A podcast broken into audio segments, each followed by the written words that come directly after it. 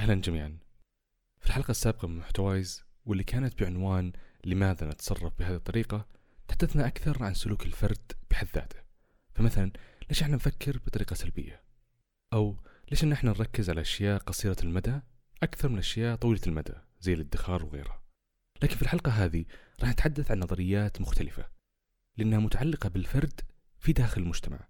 فمثلا تحدثنا عن العنصرية وأنه ليش يتم التمييز من المجتمع على الفرد بناء على جنسيته لون بشرته أو حتى جنسه سواء كان رجل أو امرأة. وتحدثنا عن نقاط مختلفة مثل أنه ليش في طبقية؟ ليش في طبقات نسميها طبقة مخملية طبقة متوسطة وغيرها؟ وأيضا راح أتحدث عن نقاط مختلفة متعلقة بالفرد في داخل المجتمع. ما راح أطول؟ خلونا نبدأ.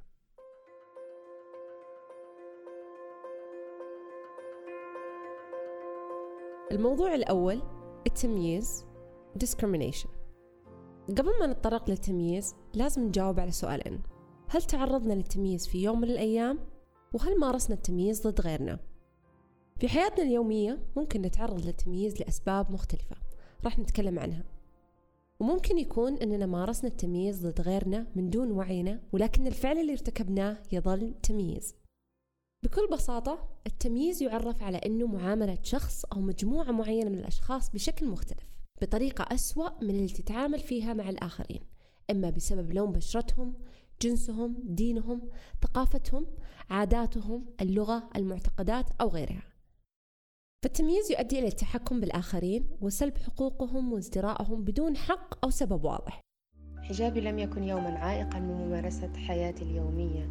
يعني درست بالحجاب مارست هوايتي بالحجاب اشتغلت به ولكن صار عائقا لما اخترت أن أشتغل كمدرسة. طيب إيش هي أنواع التمييز؟ أشهر أنواع التمييز في العالم هو التمييز العنصري أو العرقي. ولكن التمييز يشمل أيضا التمييز في العمر في الجنس كالتمييز ضد النساء أيضا الإعاقة. بما في ذلك الإعاقة البدنية والحسية والفكرية والإصابات المرتبطة بالعمل والحالات الطبية والإعاقات العقلية والنفسية وحتى التعليمية. وكمان ممكن التمييز ضد الأديان المختلفة عن ديننا. المسيحيون فروا ولجأوا إلى كنائس حيث تمكث عدة عائلات في غرفة واحدة عن فقدان الأمل في العيش في بلادهم وأنهم يتطلعون إلى الهجرة. فرعت وتيرة العنف ليضطر هؤلاء المسيحيون لحمل متاعهم وترك ديارهم فلا أمان حيث يسكنون. بعض أنواع التمييز في أغلب دول العالم مدرجة في قوانين الدولة ويعاقب عليها ممارسيها قانونيا كقانون المساواة الأمريكي. بالتأكيد يوم من الأيام شفت التمييز يصير قدامك. عشان نعرف أن هذا تمييز لازم نتعرف على أنواعه وتفاصيلها. فالتمييز ممكن يكون التمييز المباشر وهو التعامل بأسلوب دوني والتقليل من شأن الشخص واحتقاره وتفضيل شخص آخر عليه في المقابل ويتم بين الطرف الممارس التمييز والطرف الممارس التمييز عليه بشكل مباشر ومعلن من دون نوايا خفية مثل أن يرفض محل تجاري خدمة زبون بسبب انتمائه لجنسية أو ديانة معينة. التمييز غير مباشر يكون عند وضع شروط وقوانين يتم تطبيقها على فئة معينة من المجتمع دون أخرى بدون سبب واضح فبالتالي يتسبب ضرر وإيذاء لهذه الفئة. مثل أنه يطلب صاحب العمل شرط في الشخص المتقدم للعمل لا يؤثر في سير العمل ذاته إنما بداعي العنصرية والتمييز. فمثلا يطلب إتقان اللغة الصينية دون أن يكون العمل نفسه بحاجة للغة الصينية. ثالثا التمييز القانوني. تكون العنصرية فيه موجهة لجماعة على حساب جماعات أخرى. فيستخدم القانون ويفرض بشكل جائر لتحقيق عدم المساواة. من الأمثلة الواضحة واللي كلنا سمعنا فيها كان الفصل العنصري وحرمان الأفارقة السود من حقوق الملكية والعمل وممارسة الحقوق الدستورية عند الحرب الأهلية في جنوب أمريكا. أعداد الإيغور تقدر بالملايين. تمارس عليهم الصين رقابة دقيقة لدرجة تصنيف الإقليم الذي يسكنونه بأنه من أكثر الأماكن اكتظاظا بالشرطة في العالم. تتهم السلطات الصينية بقمع الإيغور بشتى الأشكال مثل إجبارهم على تحميل تطبيق على الهواتف للتجسس عليهم وتركيب أجهزة تحديد المواقع على سياراتهم وتفعيل نظام للتعرف على وجوههم من خلال كاميرات مراقبة الشوارع مع إرسال تنبيه في حال ابتعادهم عن منازلهم. حتى لو اشترى أحدهم سكينا فإن بياناته تنقش عليها. رابعا وأخيرا التمييز المؤسسي. تكون العنصرية فيه موجهة لإفادة وتحقيق أهداف مجموعة واحدة على حساب مجموعات أخرى. فيؤدي هذا إلى حرمان هذه المجموعات من حقوقها. مثال على هذا النوع نظام الطبقات في المجتمع الهندي. بمعنى استغلال الأطفال أو الطبقة العاملة في المؤسسات لخدمة مجموعة أخرى. فمثلا أنه يتم تصنيعها من قبل أقليات في المجتمع. يتم تصنيع الآيفون تصديره للخارج لمجموعات أخرى. عام 2002 شرع الاحتلال ببناء هذا الجدار العنصري على أطراف مدينة بيت لحم جنوب الضفة الغربية بحجة توفير الأمن للمستوطنين. واقتضم الجدار جزءا كبيرا من أراضي بيت لحم وعزل مدينة القدس بالكامل عن محيطها. جدار غير ملامح المنطقة وتسبب بأزمة إعمار خانقة. كون المنطقة المعزولة هي العمق الوحيد للمدينة من الناحية الشمالية. أما الوضع الاقتصادي فقد تراجع بشكل كبير لا سيما للمحال التجارية الواقعة في محيط الجدار.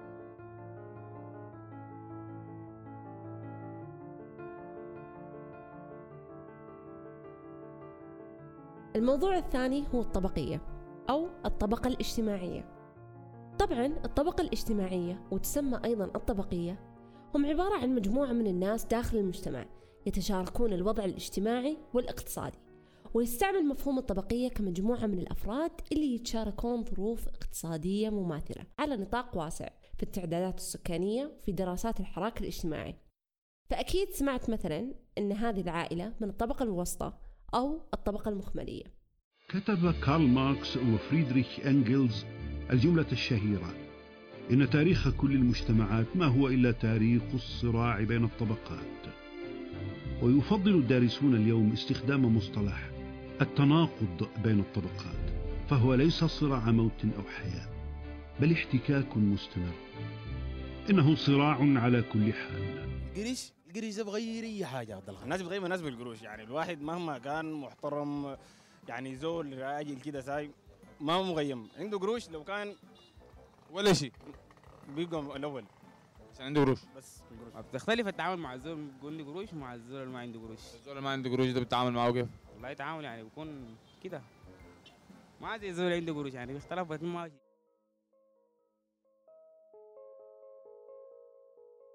طيب إيش أهمية مفهوم الطبقية؟ كل المجتمعات عندها نوع من نظام التدرج الاجتماعي. واللي صار مظهر أساسي من مشهد المجتمع الحديث بحيث أنه ما يخلو أي مجتمع من الطبقية الاجتماعية اللي تعتمد على عوامل كثيرة مثل الثروة، المهنة، السلطة والتربية الثقافة، أسلوب الحياة، نمط الاستهلاك، النسب، الدين، الوظيفة والتأثير المتبادل بين كل هذه العناصر. علماء الاجتماع وصفوا عملية التصنيف الاجتماعي بالتدرج الاجتماعي فالطبقات أو الفئات هي في الواقع حقائق اجتماعية قامت وتقوم في كل مجتمع بالرغم من جميع النظريات والعبارات اللي تحاول إنكارها. وبين التاريخ وجود طبقات مختلفة عند جميع الشعوب. هنيجي بقى للنمل نلاقي تقسيم الوظائف صارم وفيه طبقية يعني مثلا في النمل المقاتل نلاقي الشاويش والضابط والجنرال مش بس رتب لا ده شكلهم مختلف. في النمل الزراعي مثلا في هذا النمل تلاقي الفلاحين اللي بيزرعوا حجمهم صغير جدا. بينما فرقة المربين اللي بتربي اليرقات وتطعم الملكة ومش عارف إيه والحاجات دي تلاقيهم حجمهم أكبر. والانفتاح على الثقافات الأخرى له دور في إعادة هيكلة المحتوى الطبقي بشكل بطيء وغير ملموس وعلى فترات طويلة. لين ما يتم التأثير الثقافي والفكري في محتوى الطبقة واللي راح يسبب تغيير على المدى البعيد. في نظرية مهمة عن هذا الموضوع وهي نظرية كارل ماركس للطبقية. فيقول ماركس أن اللي يميز مجتمع معين عن غيره هو طريقة إنتاجيته مثل طبيعة عمله وتقسيم العمل في ذاك المجتمع. وكل نمط من أنماط الإنتاجية يولد نظام طبقي مميز. هذا النظام تتحكم فيه طبقة معينة وتوجه عملية الإنتاج فيه. بينما هناك طبقات أخرى وهم يعتبرون المنتجين المباشرين وهم اللي يقدمون الخدمات إلى الطبقة المسيطرة أو الأعلى منهم. ماركس لا يلغي دور الأفكار. ولكن بيقول إنه على المدى البعيد الذي يتحكم في تطور المجتمعات هو تطورها التكنولوجي وطبق هذه الفكرة على يعني تاريخ المجتمعات الإنسانية. الصراع الطبقي هو محرك التاريخ لما يشتمله من عنصرين أساسيين هما طبقة حاكمة مستغلة وطبقة محكومة مستغلة. هذا الصراع نشأ منذ أن زال نظام الملكية البشاعية للأراضي الزراعية وحل محله نظام الملكية الفردية. وبالتالي ظهور نزعة بشرية تميل إلى الحصول على المزيد ولو على حساب مصلحة الآخرين. إن نظام الملكية الفردية ساهم بظهور طبقتين اجتماعيتين متصارعتين هما فئة الأحرار وفئة العبيد. فئة من يملك ويسيطر ويضطهد وفئة من لا يملك ويقاوم ويناضل. واستمرت حالة الصراع حتى تم القضاء على أسس النظام القديم ونشأ محله النظام الإقطاعي. متمثلا في الصراع بين مالكي الأراضي والفلاحين.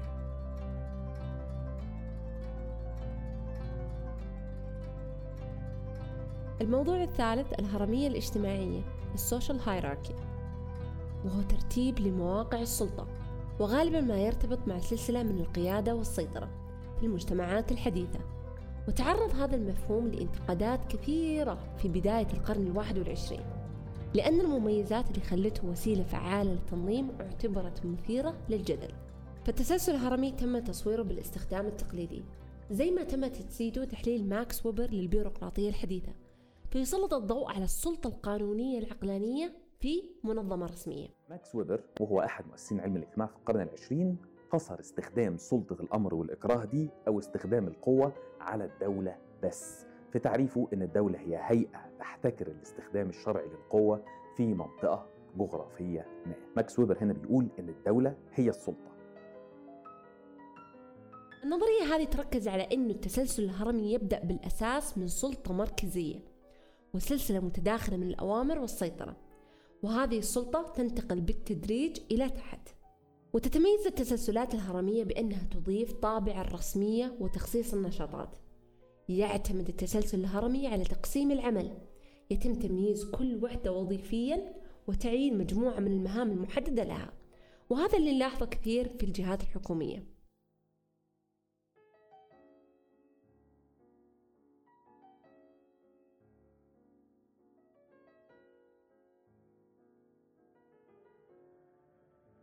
الموضوع الرابع هو العنصرية أو الريسيزم. قبل ما نتكلم عن العنصرية لازم نعرف الفرق بين التمييز والعنصرية. Discrimination versus racism. ال discrimination تشمل أشياء جدا واسعة. تشمل الدين لغة جنسية وكل هذه الأشياء. بينما ال racism تركز على شكل الشخص. مثلا لون البشرة الصفات الجسدية طريقة اللبس طريقة الكلام. لكن أبدا ما تحتاج تسوي سلوك عنيف أو مخيف عشان تكون ارتكبت فعل عنصري. فشوف مثلا المزح والسب بمصطلحات عنصرية وبنشرحها أكثر. الحكاية بدأت من من طفل عمره خمس سنوات. إنه يمشي في الشارع ويجيوا أطفال آه، يجريوا وراه يا أيها الأسود أيها الأسود أيها الأسود. وهو لا يفهم ما معنى. فذهبت لأمي أسألها. لماذا يقولون عني كذلك؟ فأمي عانقتني وبكت. فأنا هذه الصورة ظلت راسخة العنصرية أو أي عمل أو ممارسة أو اعتقاد يعكس وجهة النظر العالمية العرقية واللي يقسمها البشر إلى كيانات بيولوجية منفصلة وحصرية نسميها الأعراق. يعني الربط بأن في علاقة سببية بين الصفات الجسدية الموروثة كلون البشرة مثلا أو كونك عربي أو آسيوي وخصائص الشخصية والفكر والأخلاق والذكاء وغيرها من الصفات الثقافية والسلوكية. أستاذة تكرهني لسوادي وقالت هالي صراحة كيف أسود يكون مميزا في اللغة العربية. ف... بعد هزيمة ألمانيا في الحرب العالمية الأولى نجح الحزب النازي اللي استولى على السلطة في عام 1933 في محاربة السامية. السامية تعني أي تمييز ضد اليهود المتأصلة في ألمانيا. فالنازيين زي ما إحنا عارفين قاموا بتنفيذ سياسات التمييز المنهجي والاضطهاد والقتل الجماعي لليهود في ألمانيا وفي الأراضي المحتلة من قبل البلاد خلال الحرب العالمية الثانية. ومن الناحية التاريخية اللي أعلنوا العنصرية أو مارسوها علنا حددوا وفرضوا مفهوم أن على الأشخاص اللي ينتمون للمكانة المنخفضة واللي كانوا هم اليهود في الحرب العالمية الثانية أو السود في تاريخ أمريكا لازم يقتصرون على الوظائف ذات المكانة المنخفضة. وأن ممارسي العنصرية هم اللي يكون لهم حق حصري للوصول إلى السلطة السياسية والموارد الاقتصادية والوظائف ذات المكانة العالية. Inneren Geschlossenheit eines Volkes, im idealistischen Glauben eines Volkes. Das ist die Kraft, die am Ende Berge des Widerstandes versetzen kann. قرار القاضي يعني لو ثلاثة من أصحاب البشرة السوداء يقابلهم 147 عضو في أي حزب كلهم من أصحاب البشرة البيضاء يمنع ترخيصه لسبب أنه يكون قيادة الحزب اللي هم المفوضين من جميع الأعضاء هم من أصحاب البشرة السوداء. هذا يعني أن المحكمة الإدارية العليا ترفض أن يكون قيادة حزب أردني نعم. من أصحاب البشرة السوداء. إذا ما كان هذا عنصرية ما بعرف شو تعريف العنصرية.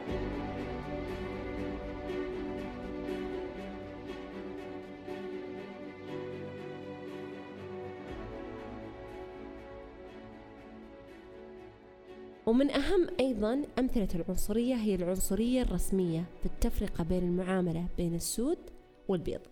وبدأت في القرن الماضي في المستعمرات الأمريكية لما كان المزارعين الأوروبيين يشترون أصحاب البشرة السوداء من الأفارقة حتى يعملوا في مزارعهم. لأن الأوروبيين كانوا يعتقدون أن السود أقدر على تحمل مشقات العمل وحرارة الجو المرتفعة وراجت تجارة العبيد في النصف الأول من القرن التاسع عشر. بسبب اكتشاف مناجم الذهب في أمريكا وتم إصدار قانون للتجارة بالسود من الحكومة الأمريكية. فكان يتم ممارسة جميع أنواع الاضطهاد والظلم واللي تشمل العنف الجسدي والإهانات اليومية والأفعال المتكررة والتعبيرات اللفظية عن الاحتقار وعدم الاحترام. وكلها لها آثار عميقة في احترام الذات والعلاقات الاجتماعية. في أكبر مظاهرة في تاريخ الحقوق المدنية وقف ثائرا وسط الحشود وهتف قائلا. إنني أحلم اليوم بأن أطفالي الأربعة سيعيشون يوما ما في شعب لا يكون فيه الحكم على الناس بألوان جلودهم ولكن بما تنطوي عليه أخلاقهم. My four little children will one day live nation where they will not be judged by the color of their skin, but by the content of their character. I have a dream.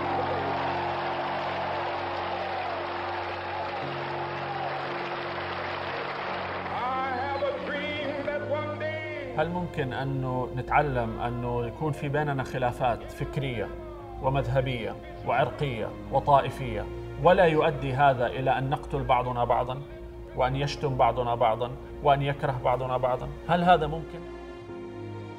دعوها فإنها منتنة. نتانة لا يمكن للأكل أن يفيد إذا كان معفن وبالتالي لا يمكن للمجتمع أن ينهض إذا كان معفن.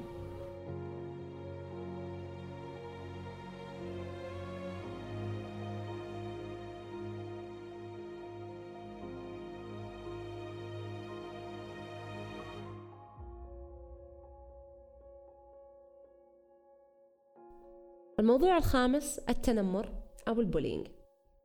التنمر هو الأذى المتعمد أو المضايقات الموجهة نحو الضعفاء وغالبا ما يكون الفعل متكرر وينعاد أكثر من مرة. ويشمل التنمر مجموعة واسعة من السلوكيات العدوانية الخبيثة؟ مثل العنف الجسدي السخرية اللفظية التهديدات النبذ وغيرها. ونلاحظ كثير التنمر في المدارس بين المراهقين فيتم التنمر على أشخاص معينين وإهانتهم كل يوم.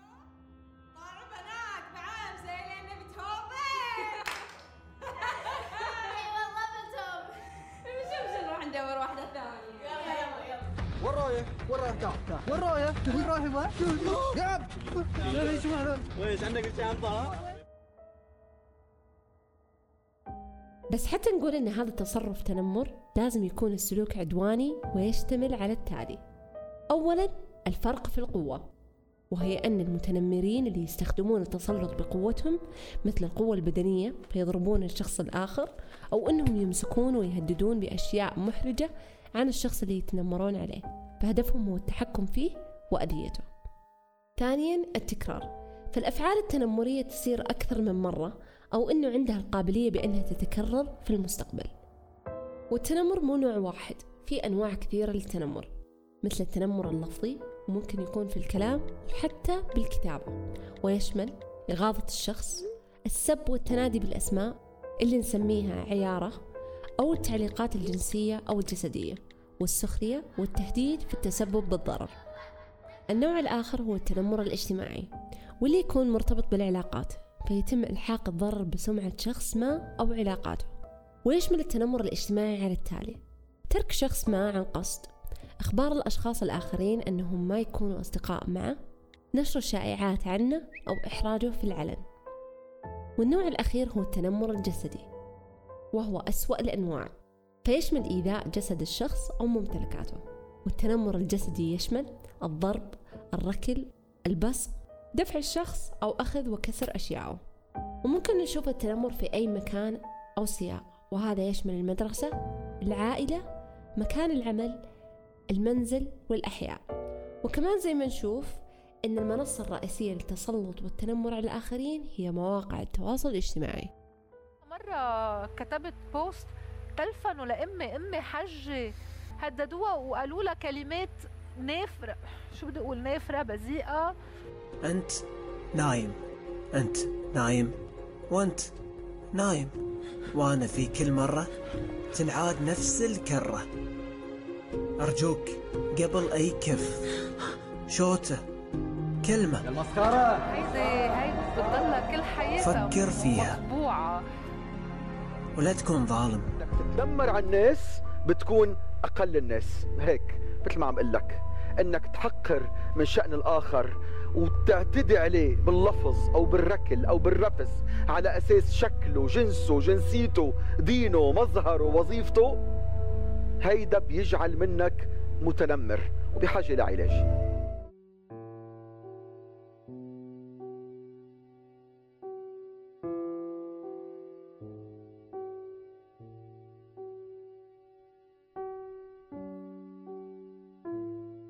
الختام بإمكانكم الاطلاع على كثير من النظريات تحدثنا عنها تقريبا 30 نظرية. في موقع محتوايز وأيضا حساب محتوايز على تويتر. راح نضع الروابط في الأسفل. تم كتابة وتسجيل هذه الحلقة من قبل مها الخليفة كان معكم خالد القنيعه